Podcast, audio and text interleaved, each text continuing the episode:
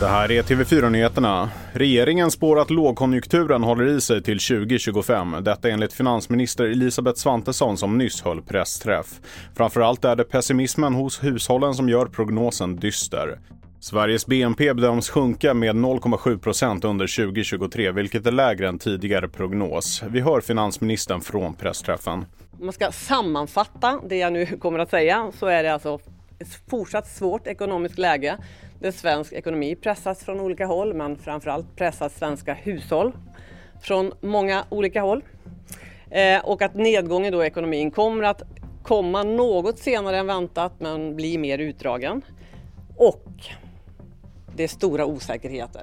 I början på oktober så vädjade Haitis regering om stöd från omvärlden och nu uppmanar FNs generalsekreterare alla länder som har möjlighet att överväga ett militärt ingripande. Bara i november skedde nästan 300 mord i landet och tusentals människor lever under svältförhållanden.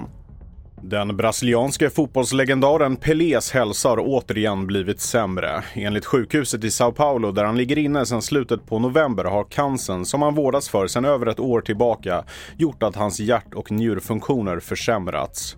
Döttrarna till den nu 82-årige Pelé skriver på Instagram att familjens jul har fått ställas in. Mitt namn är Felix Bovendal och mer nyheter hittar du på tv4.se och i appen.